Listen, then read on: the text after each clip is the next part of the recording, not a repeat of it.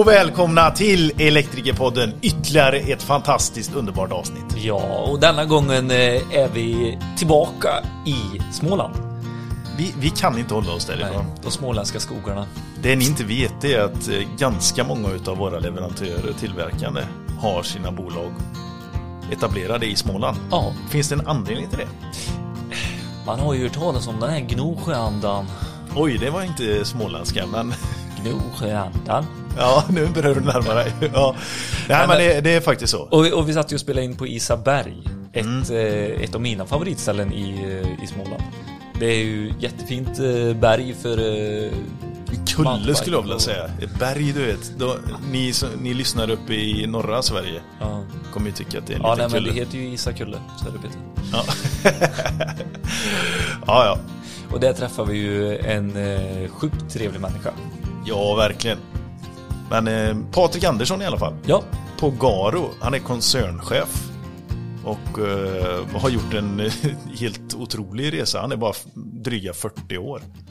och sitter där han sitter. Sitter Men är det så Peter att vi bara kommer ha med koncernchefer? Men, Men eh, jag vet inte vi koncernchefer, vi vill ju bredda oss. Ja. Vi måste det alltså. Absolut.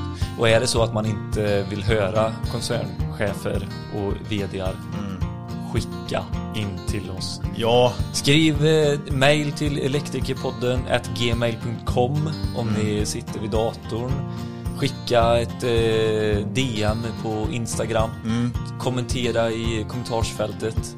Våra mobilnummer ligger ute på vår hemsida också va Peter? Om ja. man vill komma i kontakt eh, med oss på så vis. Jajamän, och även på Facebook ligger mitt ute. Mm. Och där kan ni eh, bara skicka ett sms eller någonting. Ringa får ni också göra. Det är faktiskt några som redan har gjort det och hört av sig och sagt att de tycker att det, det är bra det vi gör. Send some dick pics. Nej! Inga fiffipix heller för den delen. Men eh, sen är det en annan grej också. Vi har fått lite input på hur många avsnitt vi ska ha. Och upplägget. Vi hade ju tanken att vi skulle ha måndag och torsdag varje vecka. Men efter eh, feedback ifrån eh, er lyssnare och även eh, i gruppen här så, så har vi kommit fram till att varje måndag släpper vi ett avsnitt. Mm. Och det kommer till en början vara samtalsavsnitt. Och så kommer vi väga in teknikavsnittet. Ja, så det kommer vara en kontinuitet varje vecka så ni kan följa oss och få uppdateringar varje vecka. Och så blir det vartannat teknik och vartannat samtal. Ja. Det tror vi kommer bli en jättebra start på detta. ja. Med det sagt så säger vi väl så här att håll till godo. För här kommer Patrik Andersson, koncernchef på Garo.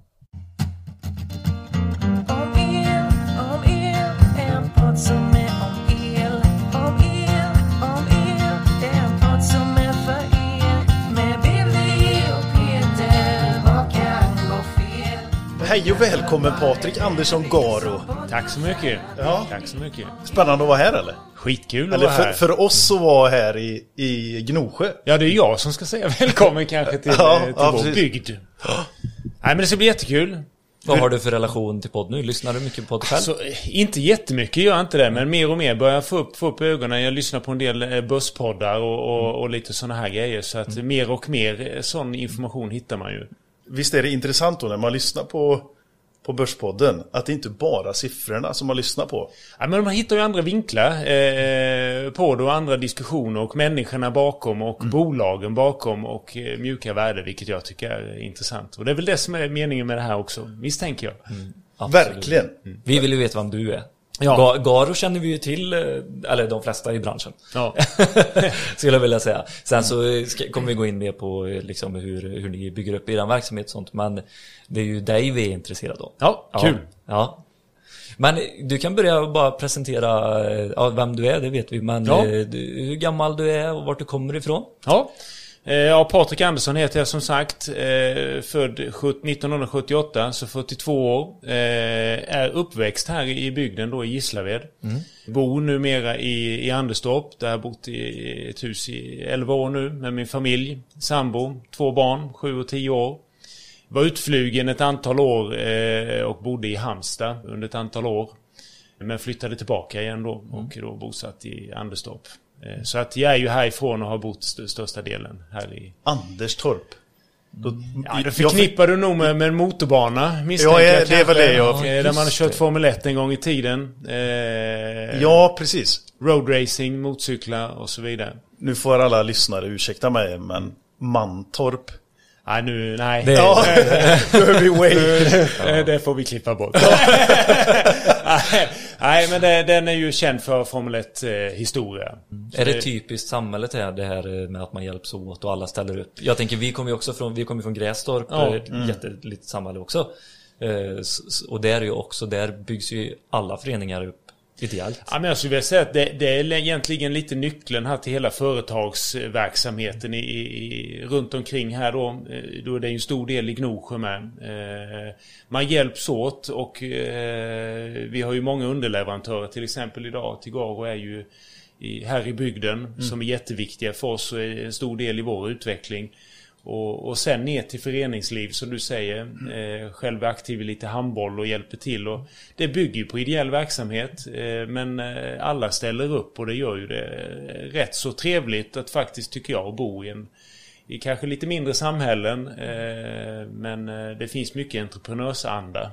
Är det fortfarande kvar i, i Gnosjöandan? Absolut. Ja, Då är det grunden till hela Gnosjöandan vi pratar, som vi är snudda på nu. Ja men det, är det ju. Alltså, Det är ju det här liksom att man, man, man hjälps åt och eh, någon behöver producera någon del och så startas det upp ett nytt bolag för det och sen så, så hjälps man åt. Det är, det är grunden liksom eh, till det. Och det, det finns liksom, det går inte, jag kan inte ta på det riktigt men det, det är ju så. Det finns ju enormt mycket företag runt omkring här i bygden.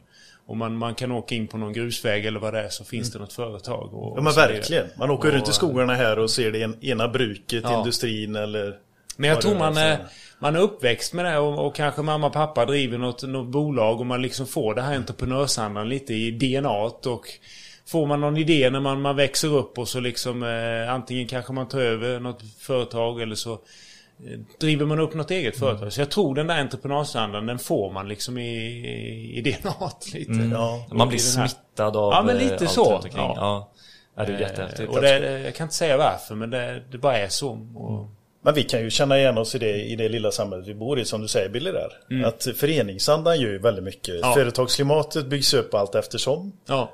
Föreningsandan, det händer säsong efter säsong. Ja. Alla måste engagera sig. Så det, det är häftigt. ja, det. det är lite härligt. Och det är Ja. lite kul med en förening och sånt med tycker jag. Så för alla storstadsbor där ute, flytta ut på landet. Men var du aktiv mycket när du var liten i olika föreningar? Var sportade du? Ja men det gjorde jag. höll på med innebandy. Eh, var väl det jag la mest tid på. Luftgevärsskytte har hållit på med ganska mycket. Eh, men framförallt innebandy. Eh, är det. Sen har jag alltid gillat idrott. All, all bollsport tycker jag är roligt. Både utöva och titta på? Ja, det blir inte så mycket utövat idag kanske. Men, men eh, att titta på och, och hjälpa till i föreningsliv. Men, eh, men lite grann försöka själv med lite mountainbike, eh, lite paddel. Eh, och hålla igång lite. Vi är ju på Isaberg nu och spelar in. Ja. Och här är ju ett mecka. Här är ett mecka om du, om du cyklar eller mountainbike som vi pratar om är ju, är, har de ju fantastiskt mycket roliga slingor och om man är lite järvare och ger sig in på lite tuffare banor men där, där vill jag lite för feg. Eh, Du har ett jobb att tänka på. Jag har ett jobb, jag har ett jobb att tänka två på. barn Precis. framförallt, Ja, precis. att, men det är jätteroligt att det har fått en bra sommarsäsong också. Så Häftigt. att, eh, Jag, vet du vad jag sitter här och tänker på? Nej. Att för tio år sedan så var det nog som du och jag träffades tror jag. Eh, skulle nog kunna Ja, det- stämma. Ja. Ja, jag är ju 34 så 24 var jag nog. Kanske till och med 12 år sedan Ja, med. kan det vara. Då, för, för alla lyssnare då som inte ser Patrik. Men ni kan gå in och bildgoogla honom. Men du ser ju fortfarande lika spänstig ut. Ja, det tackar vi för. Ja men du, du måste träna en del eller? Har du, har alltså du det- generna? Nej, nej, nej, det har jag inte. Det, det har jag inte. Jag vill ju koppla lite grann det här till din karriär också. Att du Ja. har ju verkligen eh, varit i den. Ja, men det, jag har, jag har, ju, har ju gjort en sån, sån resa också. Jag har inte... Eh, jag vägde betydligt mycket mer eh, om, vi, om vi backar bandet. Eh, och gjorde en resa där. Eh, men sen har jag lyckats hålla mig där. Kost och hälsa är det viktigt annars. Så. Ja men det är klart det är att man, Ja. man måste ju må, må bra. Dels för att kunna, kunna vara, vara en bra familjefar och eh, ska man orka också ha de här jobben så, så måste du liksom ha någon, någon ordning på mat och hälsa och så är det ju. Annars så orkar du inte. Hur är det med sömnen? Det har aldrig varit några problem genom min tid. Jag sover alltid bra. Jag har lätt för att somna. Så att det är inga, inga bekymmer. För den frågan får man ibland. I och med att det kan vara mycket press i, i, i sådana här jobb, vilket det är ibland. Så, eh, men sover gott gör jag alltid. Ja men så är det ju och det är, det är väldigt, väldigt olika där. Men det är signifikativt för, för er på den nivån. Att man sover bra. Ja. Men ändå så finns det typ en jargong att eh, man inte behöver sova så mycket för folk som är ganska högt uppsatta Ja. eh, positioner. Nej, Jag behöver bara fyra timmar, ett glas vatten och eh, fem kilometer. Sen är jag uppe och kör alltid först på firman, alltid sist ifrån. Nej men det där, det där tycker jag väl är liksom någon sorts... Eh, ja, jag vet. Jag tror inte riktigt på den utan eh, jag tror inte man håller i längden. Eh, det kanske är olika men, men eh, jag tror över tid att du behöver ha en, en grundsömn. Sen sover du kanske lite mindre vissa, vissa tider men, men eh, ja, man behöver sömn och man behöver vila. Du behöver semester. Eh, och, och ska du hålla under lång tid, vilket en arbetskarriär är. Så, eh, och det har jag alltid blivit coachad också. Av att, att eh, göra det. Eh, så att det tror jag är viktigt. Eh, om du ska, ska må väl. Hur såg det ut då i, i barndomen? Vad hade du för drömmar? Var det koncernchef på, på Garo? Nej, det, det var det absolut inte. Det kan jag inte säga. Jag tror inte om du frågar mina föräldrar heller att de skulle, skulle säga att jag skulle bli någon koncernchef på Garo. Utan, alltså jag, jag eh, var, var ganska, eh, som jag säger, var ganska praktisk ganska tidigt. Gillade det. Fick alltid hjälpa till hemma. Du vet, man renoverade eller man gjorde något så var, var man med farsan och, och, och hjälpte till. Eller du gjorde något i trädgården eller vad som helst. Så vi har alltid liksom gjort det och jag har alltid gillat det praktiska. Så det var ganska enkelt när vi väl kom till skolan sen vad, vad valet skulle bli. För min del, många våndades ju vad man då skulle Ja. gå vidare på. Men är det, där har du varit beslutsam? Ja, alltså det var, inget, det var inget svårt Det var inget svårt val. Eh, för elektriker, det var, det var det som passade mig väl. Hade du en lätt eh, skolgång? Har du ett bra läshuvud? För det är ju mycket matte och sånt sen när man kommer upp i gymnasiet med elen och, och framförallt nu sitter du med mycket ekonomi. Hur, kän- hur har det liksom varit i skolan? Och... Ja, men jag kan väl säga under skolgången så var det liksom, jag, jag hade inte, jag ska inte säga att jag hade lätt för det, för det hade jag inte, utan eh, Eh, jag fick, fick nog kämpa liksom för att få okej, okay, helt medelbetyg. Det fanns väl inte det jätteintresset så tidigt liksom, men jag, jag gillade det praktiska och, och matten och svenskan och engelskan, det, det, det gick okej.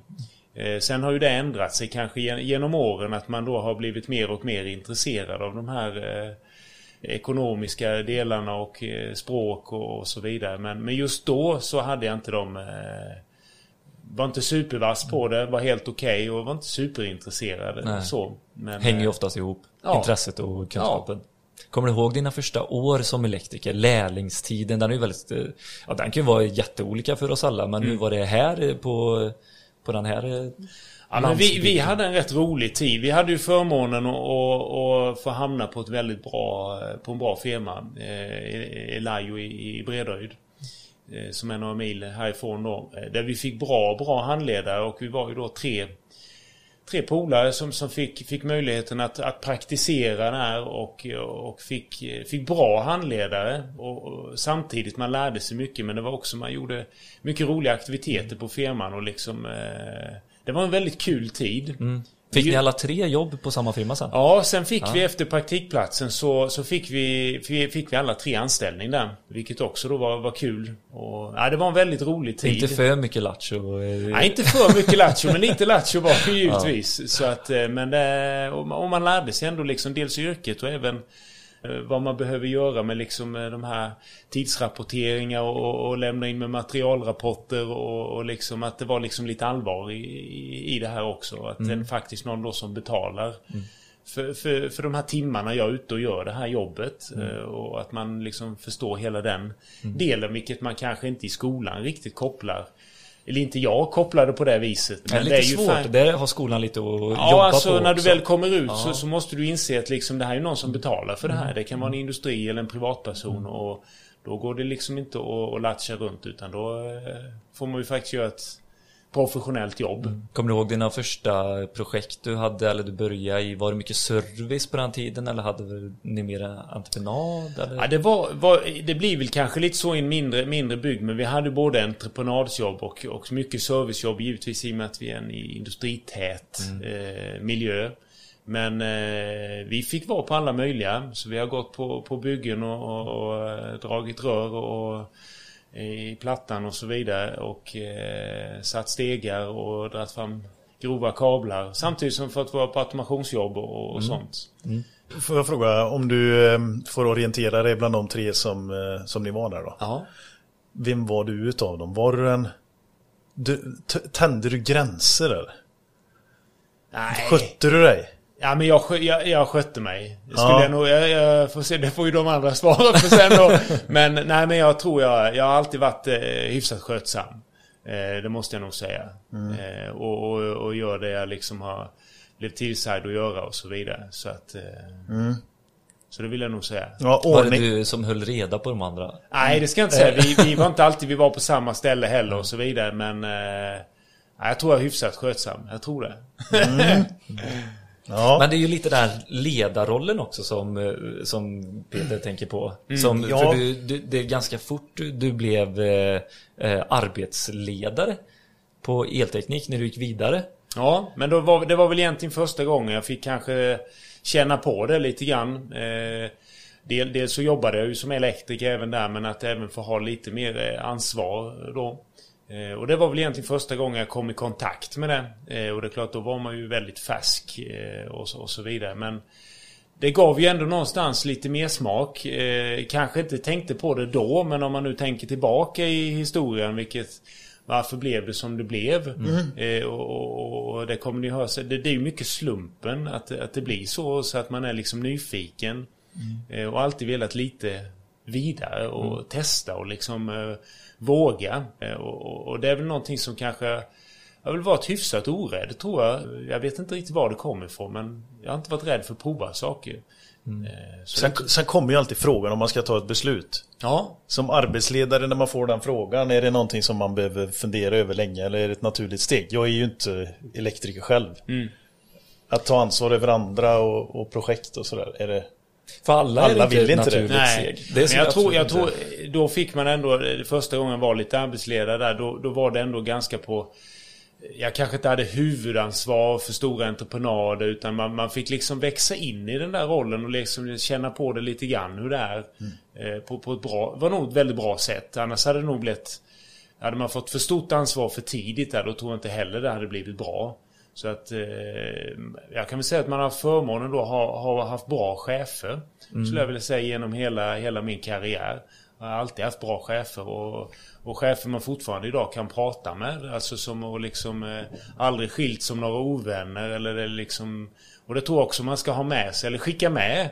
Att oavsett om man, man, man byter jobb eller man, man byter karriär eller vad det nu är så ska man gå ifrån med flaggan i topp och, och alltid vara eh, kompis med dem när du lämnar. Ja, du skapar ju din egen renommé. Ja, men man måste ha någon som tror på en också. Ja, det är ju precis. det som är steget. Om du inte ska starta eget och börja själv och sen bygga vidare på anställda och få den naturliga rollen med att bli arbetsledare. Ja. Då måste ju man verkligen ha någon som tror på dig och vill satsa och Ja. se- ser någonting i dig eller litar på dig så pass mycket. Och det hade ju du väldigt tidigt. Ja, jag, jag kan inte säga. Jag, det är ju svårt att se det där själv. Men, men, men uppenbarligen var det ju det. Eh, så att, ja. Ja, nej men det är kul för vi, vi eh, pratade ju med Evert eh, Ja. för inte länge sedan, Evert Karlsson. Jajamän. Och han hade ju samma den här att det var någon som trodde på honom väldigt Ja. tidigt. Att han gick in på en ledarroll och man såg potentialen i honom väldigt tidigt. Ja. Det är ju något, eh, och nu sitter ni på samma position men på Ja. olika bolag då. Ja. Om att man har eh, jag vill se någon eh, connection eh, där eller något, någon röd Samband i tråd. att. Ja, men det, det ligger mycket i det att någon, någon måste tro på en. Mm. Att, För jag menar när man, när man är så pass ung då, är det- då är du ju långt ifrån från färdig för att bli en, bli en stark och bra ledare. Utan det, det måste ju vara någon som tror på en och kan coacha en. Och att man får växa och då ta det ansvaret. Mm. Eh, så att... Ja, det var väl uppenbarligen någon som såg den. Ja, men verkligen. Men kände du dig ganska färdig med elektrikeryrket där efter arbetsledardelen och när du gick vidare i karriären eller? Nej, det, det, det gjorde jag nog egentligen inte. Det är också då, då kom vi tillbaka till slumpen egentligen. Eh, och, och det var ju egentligen min, min sambo då, Anneli, eh, som jag fortfarande är sambo med. Eh, som då skulle börja studera. Eh, vi bodde i vår, vår lägenhet i Anderstorp då och eh, så skulle hon börja studera i Halmstad. Jag måste bara stoppa lite här då. Ja. Ni har varit tillsammans i 20 år här nu. Ja, va? precis. Det är en liten applåd. Ja, det får det vara. Ja, det är bra. Så att eh, då eh, flyttade hon till Halmstad och började plugga och då började jag fundera på vad jag skulle hitta på med, med livet. Eh, och av en slump egentligen då så, så såg jag en annons som, som utesäljare då på Eldon. Och det här var strax innan sommaren och eh, när jag läste den där annonsen så insåg jag ju att jag har ju har ju ingenting i den där annonsen som, som de söker. Jag liksom... De, jag platsade inte någonstans. Eh, men då var det faktiskt min svärfar som sa till mig att sökte där, sa han. Det där det kommer lösa sig. Och, och jag sökte det där, skickade in annons och sen åkte vi på, på semester till Grekland och, och så kom hem och då blev jag kontaktad och, eh, på intervju och, och sen var jag i Nässjö ett par gånger och eh, sen helt plötsligt så hade jag fått jobb som då utesäljare på Eldon. På det västra distriktet skulle utgå från Falkenberg och resa då i, i syd och upp till, till Göteborg. Så det, det var ju lite häftigt och en helt ny värld. Eh, hade ju ingen erfarenhet från det här överhuvudtaget. Det här ser ju jag ofta. Ja. Alltså de här som både tar av sig kläderna och går Ja. in som projektledare Ja. och går ut som säljare. Ja. Det är ju en jätte... Ja, det var ju en, grej, eh, alltså. en jätteomställning. Ja. Alltså, det var ju det var svårt att förbereda sig på också. Jag, eh, Det var ju lite som du sa, det kanske var, det var ju någon som trodde på mig då. Mm. Eh, och det man kan ha med sig då, att, som jag har haft med mycket, det är ju min kunskap inom, inom el. Mm. Och, och, och de Intresset, här produkterna. Att man liksom också. Mm. förstår ändå. Ingen superexpert långt därifrån, men man liksom kan ändå förstå helheten. Man kan grunderna. Eh, Man kan snacket, man kan, kan åka ut till en byggbord och man kan vara, vara i, hos en arbetsledare och göra upp en affär eller vad det nu är. Det är ju superviktigt i hantverksyrket. Ja. För har du inte det med, med dig då är det en ännu längre startsträcka. Så att... eh, Men vad, vad var plan B då? Efter Greklandsresan? Skulle du stanna? Alltså plan B, eller? jag tror inte det fanns någon plan Nej. B riktigt. Utan eh, men, målet var att, att, att flytta. Så att det var, det var nog i så fall att hade det inte blivit det här jobbet då hade jag nog eh, eh, sökt med något elektrikeryrke i, i Halmstad. Eh, Men du var fast besluten på att flytta Ja men det med var till. Halmstad? Det var det. Ja. Eh, Och vad, att- vad började din eh, sambo läsa? Hon läste IT-ekonom Ja. eh, där nere. Tre år? eh, Under tre år ja. Så att eh, vi var väl bosatta där kanske i, i tre, fyra år. Något i den stilen. Eh, och då jobbade, jobbade jag för Eldon då, reste eh, på, på väst och syd och det var ju då vi träffades eh, för första gången där. Och det var fantastiskt roligt. Väldigt tufft skulle jag vilja säga första år då med otroligt mycket nytt eh, med sälj och och liksom ut och resa och, och liksom göra de här affärerna och ha liksom ett press på sig att leverera. Eh, Mättes och, du på besök? Ja, på besök Omsättning. och omsättning och, och hela den delen. Och sen givetvis också skapa sitt namn i branschen. Eh, det är väl inte självklart eh, alls att lära känna alla människor eh, och så vidare. Det är ju en väldigt analog bransch fortfarande. Väldigt analog bransch och Ja. då var den ju jätteanalog. Ja. Eh, och, eh, men, men det började nog slä- så det, Första året var tufft tyckte jag. Så det, men jag tänkte ändå jag ska se det här som en, en skola. Mm. Eh, och, och, och lära mig. Och sen började vi släppa efter ett år och kände att nej men det här, det här är ju riktigt kul. Och jag liksom började skapa mitt kontaktnät. Och eh, började få grepp på affären. och...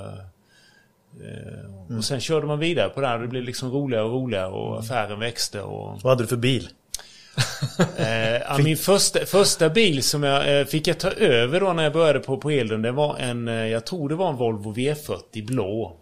Eh, det var min första tjä- tjänstebil. Ja. Och det var också lite konstigt, lite annorlunda. Ja, det kommer jag ihåg själv. Ja, väldigt märkligt. Ja. Ja. Kommer du ihåg den här skillnaden på att gå från arbetsledare till säljare? Om det, jag kan tänka mig att det är många som kanske har den, de tankarna som eh, sitter som arbetsledare och kanske fått erbjudandet eh, eller är nyfiken på säljyrket. Vad var din största eh, kollision på skillnaden liksom att vara på du ska köpa eller beställa sidan Mm. och så nu ska du sälja grejerna. Vad blev ditt största, den största kontrasten däremellan? Eh, nej men del, dels en stor kontrast är ju det här liksom dels att då börja vara, vara ute och aktiv, alltså resa runt. Bara det, alltså ofta då när man, är- när man är arbetsledare eller jobbar som elektriker då är du ju på en på en punkt du kanske rör dig inom en några mils radie eller, eller och, och så vidare. Man kommer alltid hem klockan eh, kanske fem eller, eller liksom det är ganska fasta tider. Här blir det ju lite annorlunda. Man rör sig i ett större, större distrikt. Dagarna ser lite annorlunda ut. Och sen givetvis då se till att sälja in de här, få andra människor att faktiskt tro på, på den produkten jag står för eller tjänsten eller sortimentet och, och, och ha så mycket kunskap och faktiskt sälja in det på ett, på ett trovärdigt sätt. Eh, så att det var väl, det är väl största omställningen och att eh, det är ett litet sätt tycker jag också att även den, så som man jobbar, det är ett litet sätt att leva. Alltså hela och, och jobba med det här med sälj och det är inte kanske så ett 7-4 jobb utan man, man, man brinner för det här och man lever lite för det. Och inte bara jag själv utan det blir även lite med familjen. Alla liksom eh, dras med lite i det här och det är väl så det har varit genom min karriär. Jag hade liksom aldrig kunnat göra det här liksom utan eh, eh, Anneli och barnen då som, som har stöttat och backat upp det här. Jag har väl inte alltid varit hemma eh, eh, jättemycket hela tiden men eh, Ja, jag förstår det om det var jobbigt då. På den tiden. Ja men det var ju mycket, mycket ligga ute och, jaga och man, man hade ju inte de digitala verktygen på den eh, tiden heller. Idag är vi ju i en hel, speciellt nu under, under pandemin som vi är, jag menar vi är ju superdigitala idag. Eh, I våra kommunikationer med kunder och intressenter så att... Eh, Hade du den här sugproppen i fram på rutan och så blocket. med block, självklart. Pennan och... självklart. Alltså du ska ha. Skrev man orden där eh, var man stolt som en tupp sen. Vad fan har jag gjort av Ja. lappen? Ja, men, men det är lite det jag vill åt också. Ja, jag kommer ja. verkligen ihåg när jag gick ifrån montör till eh, service eller arbetsledare. Eh, ledare. Eh, den här den tillfredsställelsen som blev när du var ute och jobba. Ja. Installationen, du- kom in i ett eh, liksom hus som bara var ett skelett. En vecka senare, du har dragit allting och börjar dra kabel, du vet, man bara ser resultatet Ja. komma framför sig en vecka därefter. Det lyser överallt. Det, den tillfredsställelsen, man får ju inte det på samma sätt. Nej. Hur, hur, hur hittar man den som säljare? Ja men då igen, om man ska säga när, när, när jag jobbade på Eldon på den tiden och man var um, Då fick du orden liksom i, som du sa, man skrev den på blocket där i, i fönstret och, eller du hade din pärm med dig då. Då fick du orden väldigt fysiskt i, i handen och du åkte hem, du var ju liksom skitstolt. Och, idag ser det lite annorlunda ut utan idag, idag gör man ju kanske upp en affär och sen kommer den digitalt via, via, via EDI eller andra eh, näthandlare och så vidare. Idag med att vi, vi går ju följa upp det istället och får väldigt många fina rapporter. Vi, vi jobbar ju med dagrapporter till exempel. Ser man hur mycket har vi sålt idag? Hur mycket säljer vi per vecka? Hur mycket säljer vi av de olika produkterna? Så att du kan ju få väldigt mycket rapporter och det gäller ju givetvis att trigga sina, sina anställda med att eh, ja, men se här nu hur, hur mycket har vi sålt idag? Eller hur, mycket har vi sålt i månaden? Och, eh, Så det går ju det går att trigga på andra sätt men du får ju aldrig den där orden på samma sätt i handen och den, den är ju en, en fantastisk känsla. Den får man ju inte uppleva på samma sätt riktigt idag. Nej. Ja, men jag tänker de här mellandagarna som är eh, innan eh, du liksom gör den här ordern eller innan du diskuterar priset och sånt.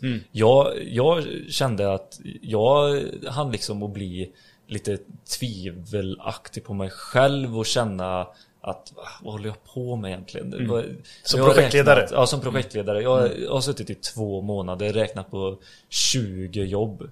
Jag har inte fått ett enda, varit för dyra på allihopa. Ja.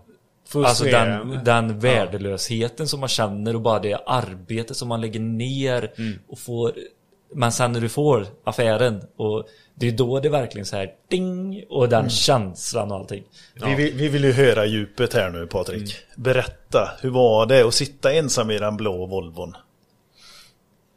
När dagarna inte gick som de skulle och Ja, men du det, är hade klart, bråkat det, hemma det är klart att det var frustrerande om man hade missat eh, dels att det inte blev som du hade tänkt eller, eller du missade ordrar. Så det är klart att man, man fick ju väldigt mycket tid i, i bil och sitta och reflektera och det... Ja men det står var man väl aldrig både- på kanten då väger det här? Fan, nu säger jag upp mig. Nej men alltså jag, jag tror återigen, där, där, där gäller ju att ha bra människor runt omkring sig. Som säljare är du väldigt en- ensam. Eh, jag menar dina kompisar, det blir, det blir ju egentligen dina kunder när du, när du är ute och träffar dem. Men de kan du inte ventilera allting med om du kanske är förbannad över en order eller, eller att jag har missat den här. Då gäller det liksom att ha när du sätter i bilen då ringer man ju då va och så har man ju, har man ju någon bra på innesäljare eller någon, någon chef eller någon man kan få ringa liksom och, och eh, Beklaga sig beklaga lite. sig lite och snyfta en stund och, och har du då en eh, bra medarbetare så, så hä- återhämtar du dig ganska fort. Misstaget jag tror många gör det är kanske att man inte bollar det med någon. Eh, och, och som du säger då sitter man och, och har det här inom sig och blir frustrerad och, och till slut bygger du upp någonting som kanske blir negativt istället. Bästa affären som, eh, som säljare, som utesäljare? Oh. Jag vill, det vill jag bara fråga, är bästa affären som utesäljare, är det där man tjänar mest pengar? Eller där man har jobbat hårdast för att få det? Eller är det volym? Eller vad, vad liksom... Ja, det är, det är ju säkert Nej, men personligt. alltså jag- vad, vad är det för dig? Jag tror, jag tror mycket då, alltså man, jag kommer ihåg till exempel några affärer som vi, som vi gjorde under min, min tid eh, då kanske under, under Eldon som var, var ganska tidigt och man kommer ihåg väldigt mycket av de här första affärerna. Det byggdes upp ett stort eh, bostadsområde och det var under tiden jag bodde i Halmstad med. Man byggde upp ett helt nytt bostadsområde nere ut med Nissan där nere. Och det, det var ett jobb som vi hade jobbat på väldigt länge. Vi skulle bygga väldigt mycket lägenheter. Och, eh, och det, det var långa processer man, liksom, man, man vacklade så här, "Aj, jag håller på att tappa det här och så nej men nu är vi på gång och så liksom mm. Och så att man, när man väl tog det där. Och sen, sen hur bra den var ekonomiskt, det vågar jag inte svara på. Men det kändes som en väldigt stor seger. Bara man får en accept är ju... Eh, och, och vi fick liksom eh, flera av de här huskropparna då. Och, och det var ju... Det var lite häftigt och det var ju... Det jag kom ihåg då på den tiden med det var ju att då skulle man ju ha mediacentraler. Vilket idag är ju ingen... Det sitter överallt. Det- Men då var det inte det. För då skulle man... Då hade man för första gången spesat in en mediacentral. Ingen visste hur den skulle se ut. Eh, och, och ingen visste vad den skulle innehålla. Eh, och och då, var, då eh, jobbade vi med en partner i Falkenberg och, och satte ihop prototyper på det här. Man skruvade ihop olika kapslingar för att få ihop eh, det här. Och vi åkte och presenterade det här och sålde in det här och, och fick det här. Och idag, idag hade du säkert skrattat åt lösningen. För idag finns det ju supersmäckra. Men, eh, men då var första gången jag kom i kontakt med mediecentraler och det var liksom lite... Och att vi då fick det där med var ju lite häftigt. Var det då du åkte hem och, till Anneli och sa nu häng med här nu så ska vi titta på, på ett projekt som jag har eh, tagit fram. Vi har, säkert, vi har säkert åkt förbi där någon gång. Flera gånger. Ja, ja, ja, ja. Barnen har Ja, men jag brukar tänka på när jag är i Halmstad än idag och man åker förbi där. Så, så minns jag det mycket väl. Jag tänkte det här är ju... Det är ett jätteområde idag och... och eh, nej, lite så en kul historia. Eh, om man kommer ihåg. Alltså en bra affär är ju en vinst i alla led. Ja. Då känns det ju bra hela vägen Ja. oftast. Att man får göra det på nåder Ja. åt alla håll. Att det är någon som eh, är missnöjd i den ena änden och ja, men har man fått sålt i alla fall. Det är Ja. ingen bra affär alltså. Nej. Nej, det är ju inte roligt. Det vill man gärna glömma. Tagit dåliga, dåliga beslut. Ja, alltså man, man kan, jag, jag kommer ihåg, men det är ju tillbaka på, på, på elektrikertiden redan kan man säga. Att det är ju, jag, glömmer aldrig till exempel när man eh, kopplade liksom en, en eh, spis fel så man blåste liksom eh, spisen med de här hällarna och, och det här. Och det är klart, då känner man ju sig inte skitvass. Det tror jag Eh, alla elektriker Ja, och så liksom kommer på vad, hur kunde det här gå till och så har man liksom bara inte läst. Eh, ja, Glömt ja, eller satt på... Tack. Ja. bygeln då va. Och så blir man, och så när man bara hör det här puffa. Fan, Mm. åh, ja. Det är igenkänningsfaktor här i rummet Ja, märker jag. eh, så att den, den är Nej, jag lite, har aldrig gjort det. Men jag har hört talas om de som har gjort det. Så den är ju lite jobbig så. Eh, så att det... Men det är ju det, är det här som är det sköna för alla där ute som nu är i sin linda. Ja. Gör misstagen i början Ja, och Du lär bli, utav eh, dem. du kan bli koncernchef på Garvan. Ja, precis. så kan det vara. Ändå ja, Ja. Trots, trots den där spisen. Ja, när vi ändå är inne på det så så, så är ju det här eh, med, med Garo, det är ju ett väldigt spännande bolag. Ni är börsnoterade idag. Ja. Eh, har gått jättebra på börsen också. Hur, hur är det att liksom komma in i ett sånt bolag? För den här, eller komma in i bolaget, det gjorde du ju redan för, vad är det, 10 år sedan? eller? 13 år sedan. 13 år sedan, ja. Ja men kan du inte ta oss med Ja, vi kan börja från Ja. början kan vi göra. Nej men det, det, nu går vi tillbaka till röda tråden igen och min, Mm. min sambo för hon, när hon har gått färdigt så fick hon ett jobb Mm. i, i, här i bygden då, i Gnosjö, faktiskt grannföretaget till Garo då. Lite komiskt, nu jobbar hon inte kvar där idag. Men eh, då, och då flyttade vi hem igen. Eh, Mm. Och då flyttade jag efter. Eh, och eh, jobbade kvar då för Eldon något år. Eh, men sen blev jag kontaktad av eh, Garo. Och eh, vi började prata eh, om, eh, om jag eventuellt skulle börja där. Du blir headhuntad alltså. Ja, de, Eller de, de, säger- tog kontakt med mig. Ja, Eh, man korsar ju sina vägar i den här branschen. Det och sen, sen diskuterade vi lite lösningar och hur, hur jag även skulle kunna, kunna utvecklas och kanske kunna få en, få en annan roll. Och vi kom överens och eh, det, det innebar att jag fick ta över rollen då som, som försäljningschef på, på Garo. så när, när du gick med på att bli anställd, eller ta, ta Ja. tjänster så att säga, då hade ni redan ett upplägg om... Då hade vi en, en tanke på hur det skulle gå till då. Eh, så att där började det. Det var ju superintressant, liksom ett helt nytt koncept och lite mer ansvar då för, för försäljningar. Återigen där så hade jag väldigt bra Bra chef eh, som, som stöttade mig och coachade mig och svarade på alla mina förmodligen dumma frågor som jag hade och gjorde det gladeligen. och, eh, Frågar du mycket innan du tog besluten eller? Nej men alltså du menar när jag började sen. på, på Garo? Ja, som försäljningschef där. Nej men nej, nej alltså jag, jag behövde inte tänka speciellt länge på det. Utan eh, jag, jag, jag ville det och jag var sugen på det. Eh, och, men men det, det, det är också någonting jag kanske, jag kanske inte, jag har aldrig liksom strävat efter det egentligen att, att bli det. Utan det, det är mer, vi- återigen, slut, det, det har blivit så. Och sen är det väl som ni kanske var inne på. Någon, någon annan tro, trodde på mig och, och såg det. Men jag har aldrig liksom strävat efter att bli koncernchef på Garo. Utan det, det har liksom, det har blivit så. Eh, Och det var leverantörsledet eh, som du kände att det, det kan jag fortsätta inom. Ja, jag tycker det är ganska kul att då har, eh, vad jag tycker är kul med leverantörsled, det är framförallt om man har eh, egna produkter tycker jag är roligt i och med att åter tillbaka till hantverket och, och, och tekniken att eh, vi, vi har ju väldigt mycket egna produkter. Utvecklar mycket egna produkter. Det tycker jag ju är liksom lite hemmabana och lite, lite roligt. Det är det som har gjort att mycket har varit kvar i, i leverantörsledet. Eh, både under min tid på Eldon och, och Garo har ju varit eh, mycket egna produkter. Hur mycket elektriker Patrik har du varit med i detta? Liksom de här olika stegen. Har, har din bakgrund som elektriker, har du känt att du typ har tappat den någon gång? Eller att den alltid har legat med Nej, dig? Jag tycker nog den har legat med. Sen är det klart man har tappat hantverket. Det, alltså jag, jag är ju förmodligen ingen bra elektriker idag. Eh, däremot förstår jag ju ändå.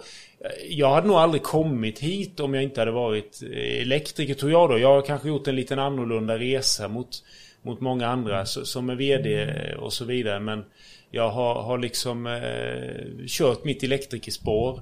Och har trott på det och haft med mig det. Och jag, jag hade inte kunnat göra den här resan utan, utan detta. Helt omöjligt.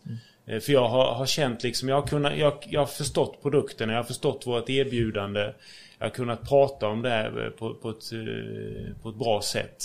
Så det, det, det har varit helt vinnande för mig eh, genom den här resan.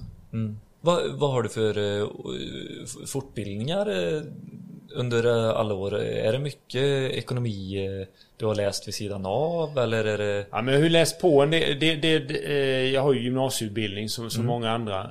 Och sen, sen har jag ju byggt på med lite olika kurser, utbildningar. Säljutbildningar har ju gått en, he, en hel del. Eh, Sen har jag byggt på med lite andra sådana här eh, med ekonomi och, och dylikt för att förkovra sig. Något ledarskapsutbildning eller har det... Ledarskap har också gått utbildningar på. Eh, Så att eh, det har varit mycket sådana kurser och utbildningar som har byggt på under resans gång då. En del sådana här utbildningar kanske inte ger så himla mycket alltid. Utan det lockar mer fram den personen som du faktiskt är. Ja men, jag, ja men jag skulle vilja säga så här att det kan ge jättemycket men inte utan den bakgrunden som man har. Jag tror inte man kan bli en eh, ledare bara av att genomgå en utbildning. Nej. Utan man måste ha med sig hela det här det som du har i bagaget. Du, Jag tror att det är det som gör dig till en bra ledare när man går utbildningen. Inte att man har gått utbildningen. Ja, men det, det, det tror jag också att, att kanske gå en utbildning och bli en ledare, det, det, det är nog ganska svårt. Du måste ha lite egenskaperna, eh, tror jag. Sen kan du bygga på och, bli en väldigt bra ledare, men, men lite måste man nog ha det, ha det i sig och vilja det och liksom... eh, eh, Det tror jag med. Men kan du inte berätta lite om Garo, bakgrunden, eh, lite, lite historia? Hade jag velat veta. Nej men alltså Garo är ju, är ju ett bolag som har funnits nu då över 80 år i branschen och, och grundades då 1939 med, med tre herrar som, som eh, fick en idé och, och drog igång det här bolaget och ligger faktiskt fortfarande, eh, företaget ligger på den platsen där det startade. Vad var första idén? Nej men det var, de, de började mycket med doser, alltså eh, gjutdoser och mycket, eh, det har varit belysning för tunnlar och, och, och sådana här grejer. Så där, där började det. Och sen var man också en legotillverkare, alltså man producerade väldigt mycket åt andra. Eh, sen ändrade sig där lite under 50, 60, 70-talet att man började ta fram egna produkter. Man tog fram mätarskåp och kopplingsdosan i, i, i lättmetall och, och man byggde på med, med centralsystem då som var de här lådorna som finns mycket ute på industrin. Eh, och sen växte det där under, under tiden och man, man blev mer och mer då egna, egna produkter. Det ligger ju ett härligt eh, museum alldeles intill det där. Jajamän, där finns ett jättetrevligt museum om man vill se historien. Och där det kommer faktiskt Garo också ifrån det här. Ja, det är väl grundaren, Jajamän. eller Jajamän. grundaren, men det... Så det är ett jätteroligt industrimuseum och, och eh, kolla på faktiskt. Ja, är det erat eller? Nej, det vi, vi, har ett lit, vi har ett eget litet eh, där man kan se vår historia. Men sen finns det ett eh, Hylténs industrimuseum heter det. Eh, Där man kan se liksom lite historien eh, Ja. och produkter liksom Ja. som, som kommer. I, de, de knäckte ju en massa idéer här på, på det här för Hylténs då. Eh, och sen eh, när de hade drivit upp det sen, sen lämnade de över det och så blev det ett bolag av det. Och så kom de på en ny idé. Och sen så lämnade de över det och så höll de på så här och kom på massa, massa saker. Och där känner man igen en hel del produkter eh, när man går i det här museet. Till exempel mycket de här brandkopplingarna man ser mm. med bajonettfattning och de har gjort mycket mot, mot ubåtar och båtar och, och eh, mot hästar och... och, och Bältespännen bältespännen och så här. Det är hur mycket Ja, som allt helst. möjligt liksom. Ja. Eh, Så det, det är väldigt intressant. Ja, det låter ju Ja, jätteintressant. så den här historien är ju liksom roligt att ha med sig in i våran, i våran verksamhet. Och det är det som är väldigt härligt i detta. Ja. Alltså att eh, du är en eh, pojke av orten här Ja. eller bygden här och alltihopa och nu sitter på den här positionen. Ja. Och det fortsatt kan vara så Ja. i den här globaliserade världen med börsnoteringar och Precis. Sådär. Så det är skithäftigt faktiskt. Ja. Så det, det har... eh, Sen fortsatte den här resan och de har liksom eh, med Garo egna produkter. Man etablerade i lite nya länder. Så idag är vi ju då i, i, i Norge och Finland och Irland, England, Polen. eh, Och i Sverige givetvis då. Så att, och sen har man utvidgat produktportföljen hela tiden under, under den här långa resan. Och Är huvudsätet här i Sverige? Huvudsätet är i Gnosjö och i. Sverige. Mm. Så att vi har, vi har två produktionsenheter i Gnosjö idag. Vi har en produktionsenhet i Värnamo eh, och sen har vi en produktionsenhet i Polen. Vad innebär produktionsenhet? Det är det egentligen där vi producerar, tillverkar alla, alla eller monterar våra produkter egentligen och Mm. gör dem till slutprodukter. Hur är det uppbyggt eh, Garo idag? Det har ju eh, lite olika ben som Ja. de... eh, Eller Produktområden. uppdelat. Ja. Ja, produktområden. Ja. Kan du inte berätta lite om dem? Vi har, vi har idag fyra stycken produktområden. Eh, som där är installation som är vårt största område. Står för nästan halva vår omsättning. Eh, och det är väl egentligen det som väldigt många elektriker skulle jag vilja säga känner igen. Eh, och egentligen vår grund, där alla andra produktområden kommer ifrån. Det eh, innehåller idag ungefär 3 500 olika produkter. Alltifrån de här dvärgbrytarna till motorvärmare till stickproppar, centraler, mediacentraler, eh, kopplingsdoser etc. etc. Så det är, det är ju vårt grundområde som är enormt viktigt och vår, vår kärnverksamhet. Eh, sen har vi ett område då som har seglat upp och, och blivit väldigt stort hos oss som då är e-mobility. Eh, eller elbilsladdning, det har ju eh, många namn men vi kallar det e-mobility. Eh, Och det var ju ett område som vi var väldigt tidiga på. Vi startade ju 2008. Eh, Då lanserade vi vår första laddprodukt på Almedalveckan i eh, politikerveckan, alltså på Gotland. Då visade vi upp den för första gången. Och då var vi väldigt tidiga. Och, och varför vi, vi hamnade där, det var ju mycket, vi har ju varit marknadsledande på bilmotorvärmare. Eh, Campingstolpar, marinstolpar. Och det var egentligen där idén och då kom ifrån att ja, men vi, vi är faktiskt ganska duktiga på att ställa ut stolpar. Ja, precis. Att, eh, det här med elbilsladdning kanske inte är så dumt. Det fanns ju inga standarder på den tiden heller. Utan det var ju då var det egentligen en stolpe med ett vägguttag. Jag har ju installerat den här ja. tidiga versionen av, eh, av eran elladdningsstolpe. Och den har ju vi bytt ut fem, sex gånger. Ja. För det är många Tesla som har brä- bränt Ja. sönder den kan jag säga. Ja. Men det var precis som du säger, den standarden var inte satt. Och det var ett vanligt uttag med en personskyddsautomat. Ja. Eh, I en, en vanlig kapsling egentligen. Och det, var ju, det fanns ju inte mycket teknik. Alltså det är ingen, det var ingen Ja, elektronik. det fanns en lampa. Ja. Det fanns en Ja, eh, grön och gul lampa. det. Ja. Så att, och sen har ju den här resan eh, utvecklats enormt då. Eh, och, och där tog vi ju tidigt beslut att det här ska vi liksom vara med på. Och vi satsade tidigt på eh, hänga med i den här utvecklingen. Idag är det, ser det ju helt annorlunda ut. Det finns ju eh, standarder på hur det här ska se ut. Hur, hur, hur uttagen i bilar och i stolpar ska se ut och vilka protokoll den ska kommunicera med molntjänster. Och det är väldigt standardiserat. Hur aktiva har ni varit där? Ja men vi är aktiva i alla de här standarderna. Och sitter med och, och, och, lyssnar och påverkar och så vidare. Eh, Så att vi hela tiden har rätt, rätt produkter då givetvis. Och ni har ju mycket erfarenhet att komma med kan jag tänka mig. Absolut, visst har vi det. Så, att, eh, så, i, så idag när man öppnar en sån här produkt då kontra det här vägguttaget vi pratade om innan så är det ju en väldigt avancerad produkt. Det är ju mycket elektronikkort och, och, och styrningar och konfigureringar och uppkopplingar. Så att det är ju kanske en av de mer avancerade produkterna vi, vi har i vår portfölj idag. Så det har ju ändrat sig helt. Men det är ju också mycket enklare idag när det är standardiserat. Man vet eh, regelverket. Sen kan man ju alltid komma på egna finesser och, och, och dylikt. Så det, är- det är ju, är ju en, ett stort område som står idag för ungefär 26% av, av verksamheten. Och växer ju snabbt givetvis. Hur, hur är det, alltså just ert varumärke på den här marknaden? Det är Mm. top of mind. Är det inte det? Alltså för en elektriker att eh, då är det Garo. Elbilsladdning? Ja. Eller tänker ja, du- När man ja. tänker elbilsladdning så tänker man direkt. Ja, jag vill ju gärna du säga, vill ja på Garo. den frågan. ja, det är klart. ja, men eh, vi försöker ju liksom att vara, vara där. Och vi vill ju gärna vara där i, och, och ha ett starkt varumärke inom elbilsladdning. Eh, I Norden skulle jag vilja säga. Eh, nu jobbar vi mycket för att också komma ut eh, vi, vi som sagt etablerade ett nytt bolag i, i UK i 2019.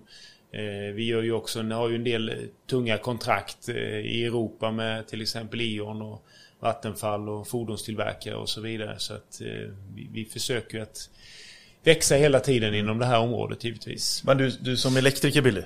Ja, men jag skulle säga så här att eh, det är en jätteöppen marknad för just att köpa elbilsladdare. Men det som ni har som fördel som jag kan se, det är kommer du till en BRF idag och de vill börja byta ut mot elbilsladdare från motorvärmare. Vad står det på motorvärmaren? Ja, det står Garo. Ja. Och då, då börjar man... eh, Det är en trygghet i det. Ja men ni, ni har vunnit mycket i att ni har haft en bra marknad på motorvärmare. För ni Ja. har ju till och med tagit fram eh, grejer för att kunna lätt byta ut Jajamän. insatserna och dylikt. Ja. Och det vinner ni ju jättemycket på. Men ni har ju bra fördelningsskåp också som går att komplettera med ert e-, e-mobility-system. Ja, men det stämmer bra. Vi, vi, man kan säga, det vi, det vi bygger också på det är ju att dels har vi ju elprodukterna, eller elbilsladdningsprodukterna. Från, från de här laddboxarna, stolparna och snabbladdare. Men det vi försöker addera till också då, det är ju andra tjänster. Och det är ju det här fördelningssystemet, en, en sån eh, produkt. Och den, den lanserade vi ju här i, i början på detta året. Ett, ett helt nytt kabelskåp. Som vi har tagit fram också då i lite hållbarhetsperspektiv. Vi har valt ett annat material, något som heter Magnelis. eh, Som då inte släpper ifrån sig ämnen ner i, i backen när det till exempel regnar och, och dylikt. Och sen har vi också eh, tagit fram det för att kunna montera det på ett mer enklare sätt och eh, snabbare sätt då. Och, och med det sagt så kan vi ju egentligen då bygga strömförsörjningen till, till eh, en, laddanläggning. Vi kan bygga in eh, lastbalansering, alltså för att använda energin på ett smart sätt i det här skåpet.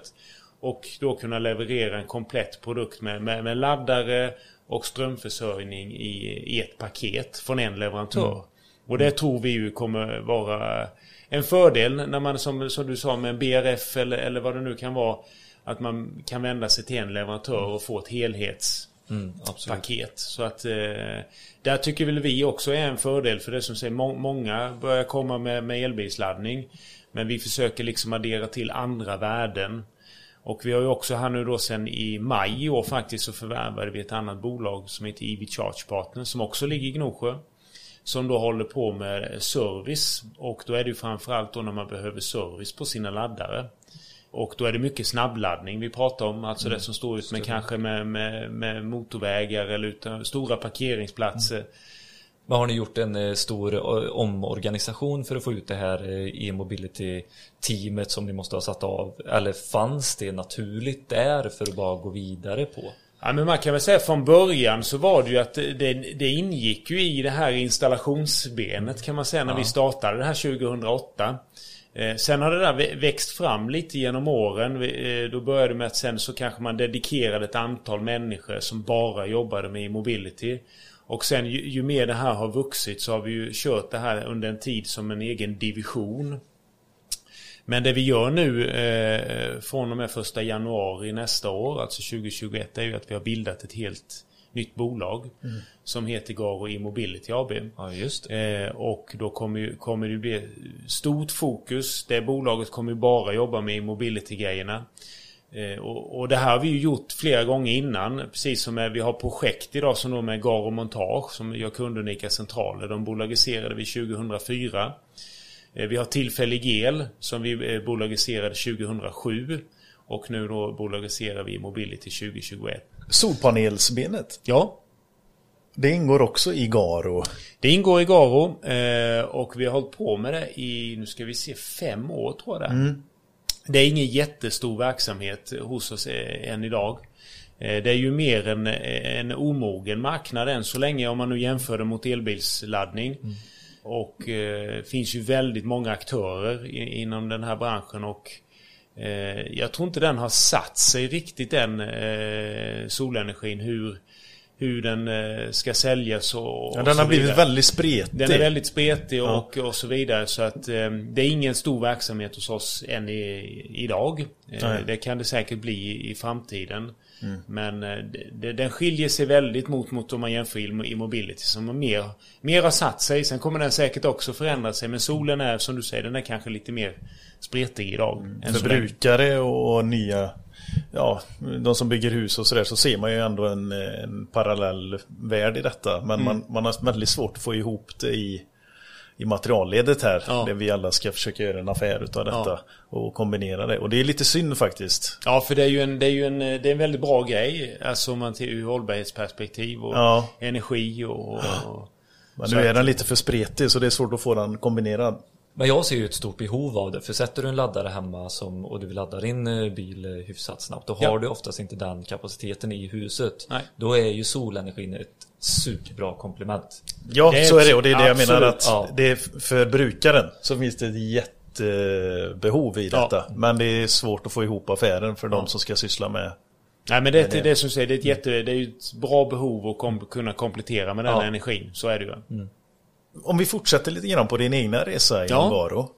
Koncernchefsrollen. Ja. När kom den till dig? Och det måste börja tidigt ändå en resa om att du får reda på att det kanske kunde vara någonting för Patrik Andersson att sätta sig på den positionen. Nej men den, den frågan har aldrig varit uppe så kan Nej. man säga. Utan eh, från försäljningschef egentligen så blev det att det var en, var en kollega till mig som, eller min chef rättare sagt, som, som slutade och skulle fick en vd-roll på, på ett bolag. Eh, och han hade då hand om, om eh, marknad också. Försälj- han var ansvarig för försäljning och marknad. Och eh, när han slutade så fick jag egentligen frågan då från, eh, från Stefan på den tiden som var, var VD då. Om, eh, om jag kunde tänka mig att ta den rollen som, som ansvarig för försäljning och marknad. Eh, och det var ju lite nytt. Marknad hade jag inte varit ansvar för, för, för någon gång tidigare med, med marknadsföring och hela den delen. Men eh, så där, jag tog den rollen. Och ansvarade då för försäljning och marknad i, i Sverige. Och eh, jobbade, jobbade ett antal år med den, eller ganska många år. Eh, och eh, sen blev det ju egentligen en... Sen börsnoterades vi 2016. Och, och det var ju en lång resa där med, med allt vad det innebär. Och mycket jobb då man blir granskad i väldigt mycket som bolag givetvis i olika processer och dylikt. Och, Vilken position hade du då sa du? då ansvarade jag för försäljning och marknad Ja, okej. Mm. på den tiden. Kom ganska mycket på ditt bord då kan jag tänka Ja mig. men det är klart det, det gjorde. Det var ju my- mycket frågor eh, kring Ja. det där och mycket processer som gick, gick, gick, gick igenom. Men sen kan jag inte säga att det har förändrat, förändrade inte så mitt arbete så mycket då när jag jobbade med försäljning och marknad. Så när vi börsnoterades så, så påverkades inte mitt arbete speciellt mycket egentligen. Och jag tror kanske inte än idag att det påverkar så jättemånga egentligen. Givetvis i min roll eh, i form av att vi behöver rapportera enligt lagar och regler med, med kvartalsvis.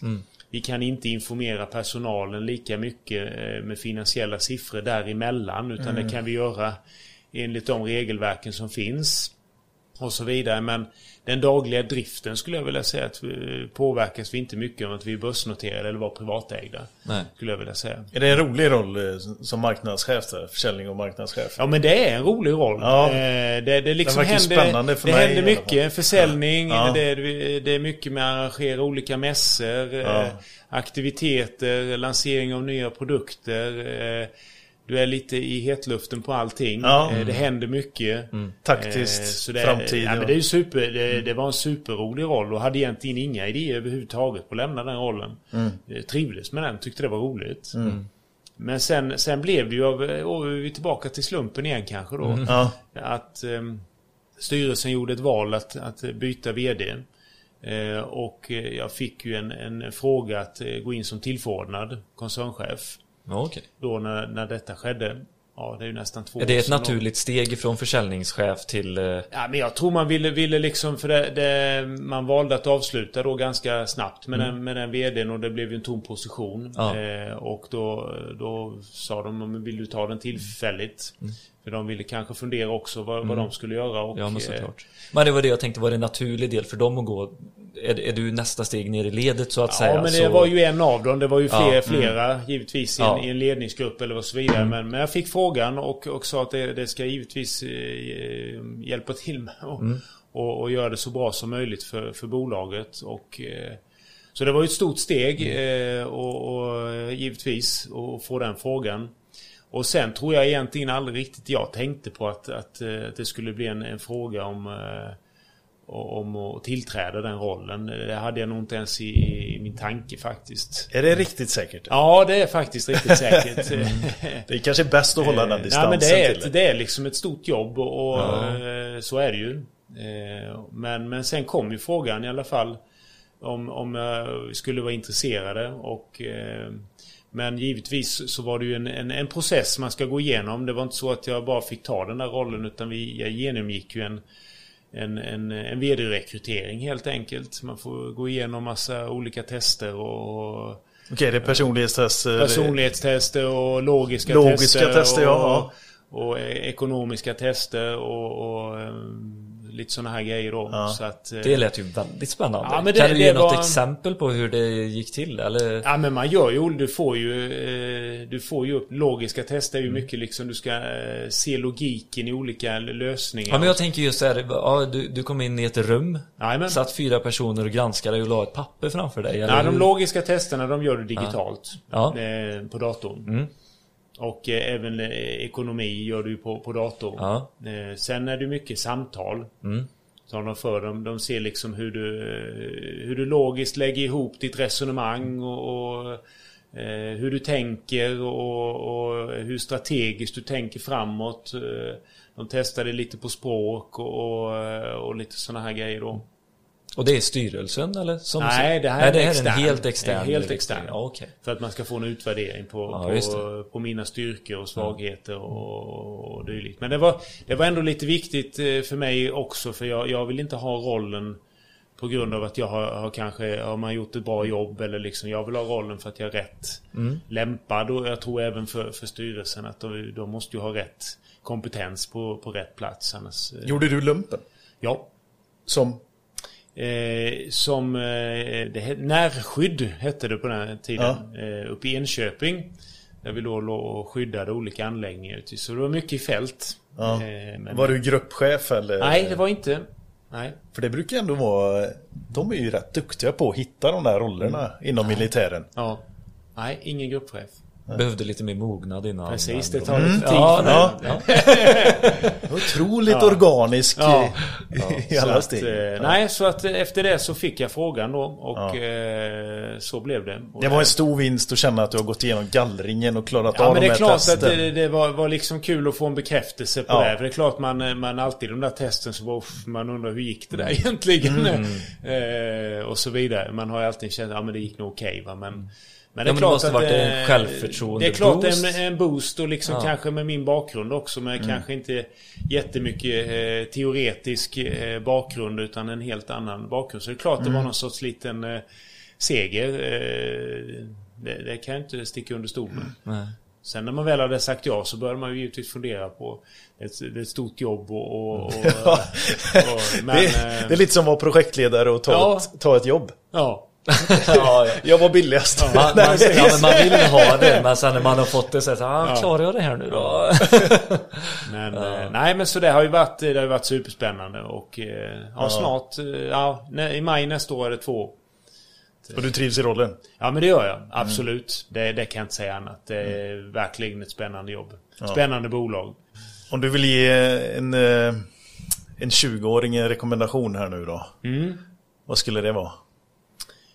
Ja men det är nog... Han har det är kommit nog, ut här nu från skolan och fått sitt första jobb och... Ju blivit lite varm i kläderna mm. första året där.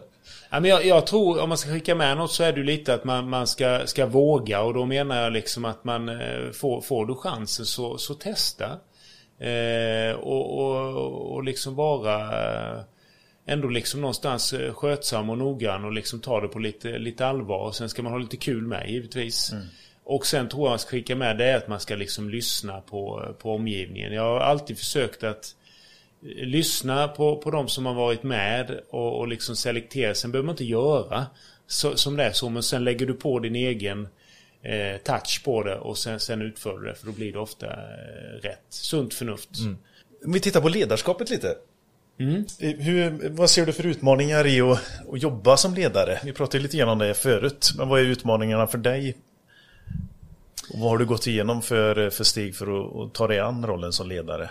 Nej men alltså som var, var, som ledare och det har ju ändrats genom åren också. Jag, jag gillar ju liksom att vara en, eh, en ledare kanske som är väldigt öppen i mitt ledarskap. Alltså eh, att var och en måste driva sina processer. Jag talar inte om för folk och, och, och pekar för folk vad de ska göra varje dag. Eller, eller, men man, man kanske behöver hjälpa till med inriktning. Eh, och, och, och få dem att ta ansvar och att eh, höja människan istället för att eh, tala om vad de ska göra hela tiden. För då blir ju också organisationen väldigt enkelspårig om allting ska gå via en människa. Det funkar ju inte. Utan det är ju det är mer det att eh, skapa förtroende och, och, och för, skapa rätt förutsättningar eh, och ha med hela, hela laget. Det tror jag liksom är ett modernt ledarskap på något vis. Eh, och inte vara för, för toppstyrd. Eh, det, det tror jag är... Vi, var ju, vi pratade lite om kultur förut och att du tycker att Garos kultur är väldigt bra. Men Ja. ofta så kommer han ju från VDn som ska föra vidare det från styrelsen såklart. Men Ja. vad, vilken kultur känner du att du bidrar med och sätter som du är väldigt stolt över? Nej men jag skulle vilja säga att vi, vi försöker ju vara det här och det, det är ju en kultur som har byggt upp under, under många, många, många år. Liksom att eh, vara det här bolaget som är, är, är snabba, innovativa, där folk faktiskt har möjlighet att växa, som jag själv har fått göra det här bolaget och många, många andra. Att man, man kanske börjar någonstans och, och sen får man eh, möjlighet till att växa till en ny roll och, och, och till en ny roll och, och vill man inte det så, så, så, är, så är det ju bra med det. Då kan man, kan man fortsätta där. Eh, och, och att vi liksom, man har lite kul på jobbet, eh, är ju inte heller fel va. Och ganska lättsamt, i det här allvarsamma så ska du liksom någonstans kunna, kunna ha lite kul över kafferasten och, och, och hela den delen. Man ska kunna ha, ha en trevlig julfest ihop liksom och bjuda lite på sig själv. Eh, det är väl mer den kulturen som jag, som jag tror, vi brukar prata om Garo-kulturen och det är väl att det ska vara ganska lättsamt, eh, kul, men ändå liksom de här innovativa lilla, stora bolaget som faktiskt eh, driver rätt allvarsam business i grund och botten. Eh, Jag tycker det är häftigt att höra eh, att du sitter på ett sånt stort bolag som du gör. Man har de här tankarna och liksom grundidéerna som jag tror är jätteviktigt för alla bolag. Men du släpper eh, det, ja, det, jag tycker det är kul att höra att det är så på de Ja. stora bolagen också. Vad tror du om framtiden inom yrket? Vad är det nya vi ska tänka på inom elbranschen? Ja, men jag, jag, tror, jag tror mycket handlar om ett par saker. Och det är ju givetvis eh, digitalisering. Nu gillar jag inte ordet digitalisering Det egentligen. har blivit det- lite utvattnat. Ja, det har blivit så utvattnat och det är liksom eh, något alla slänger sig med. Men Mm.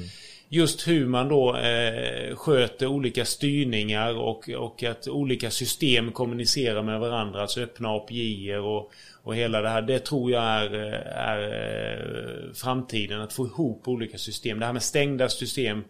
Det, det tror jag inte mycket på i framtiden. Nej. Och eh, sen tror jag nog också med, med hållbarhetsaspekten. Eh, att vi faktiskt, vi har ju det här, det här jordklotet att ta hand om. Att vi måste liksom allt ifrån hur vi tar fram produkten, producerar produkten och när den faktiskt, eh, produkten är utförtjänad. Hur, hur man liksom tar hand om den då.